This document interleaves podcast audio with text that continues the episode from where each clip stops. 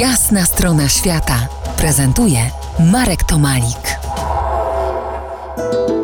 Naszym gościem Mikołaj Golachowski, biolog, ekolog i podróżnik, doktor nauk przyrodniczych, zafascynowany krainami mrozu i lodu. Porozmawiajmy o antarktycznych krajobrazach. Jakie wrażenie robią góry lodowe, kiedy mija się je statkiem? No niesamowite. Góry lodowe, mogę spokojnie powiedzieć, są jedną z najpiękniejszych rzeczy, jakie w życiu widziałem. Tutaj oficerowie z mostku na statku to mogliby nie podzielać tej mojej pasji, dlatego że oni oczywiście muszą się martwić, żeby w taką górę nie trafić tym statkiem. Natomiast ja jako przewodnik, ja tym statkiem nie prowadzę, podziwiam góry lodowe i są absolutnie imponujące. Każda z nich jest inna, mają coś takiego jak chmury, że każdy może się doszukiwać tam e, swoich własnych kształtów i form. I ja mogę spokojnie powiedzieć, że chociaż dotarłem na Antarktydę jako biolog, więc e, to zwierzęta sprawiły, że tam e, pojechałem po raz pierwszy 16 lat temu, to właśnie lód sprawia, że tam ciągle wracam, bo po prostu jest moim zdaniem oszałamiająco piękny. No a powiedz, a jak tam, jak tam często świeci słońce? E, co w tym słońcu widać? No, słońce wtedy, kiedy ja tam teraz jeżdżę, to świeci praktycznie cały czas.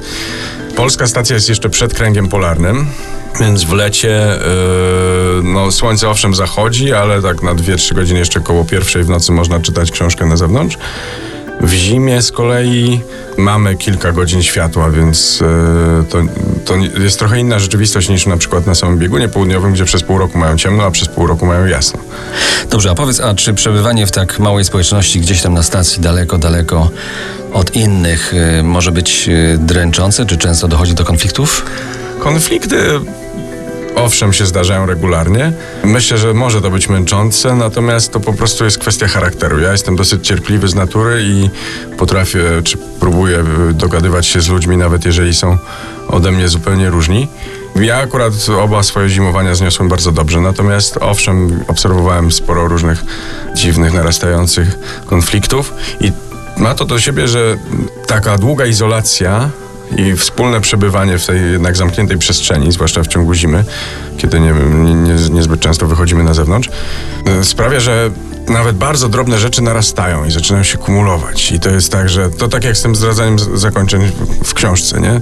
E, na naszej stacji kiedyś był taki młody człowiek, który był zaraz po studiach i był po prostu źle wychowany, to znaczy on nie mówił na przykład dzień dobry rano. Mnie to nie, nie, nie specjalnie rusza tyle tylko, że był nieuprzejmy. Natomiast moich starszych kolegów, zwłaszcza takich, którzy mieli ze sobą pracę w wojsku, to to doprowadzało po tam kilku miesiącach e, do, do szału, że wchodzi młody gdzieś tam na salę pełną starszych kolegów i się nie, nie wita.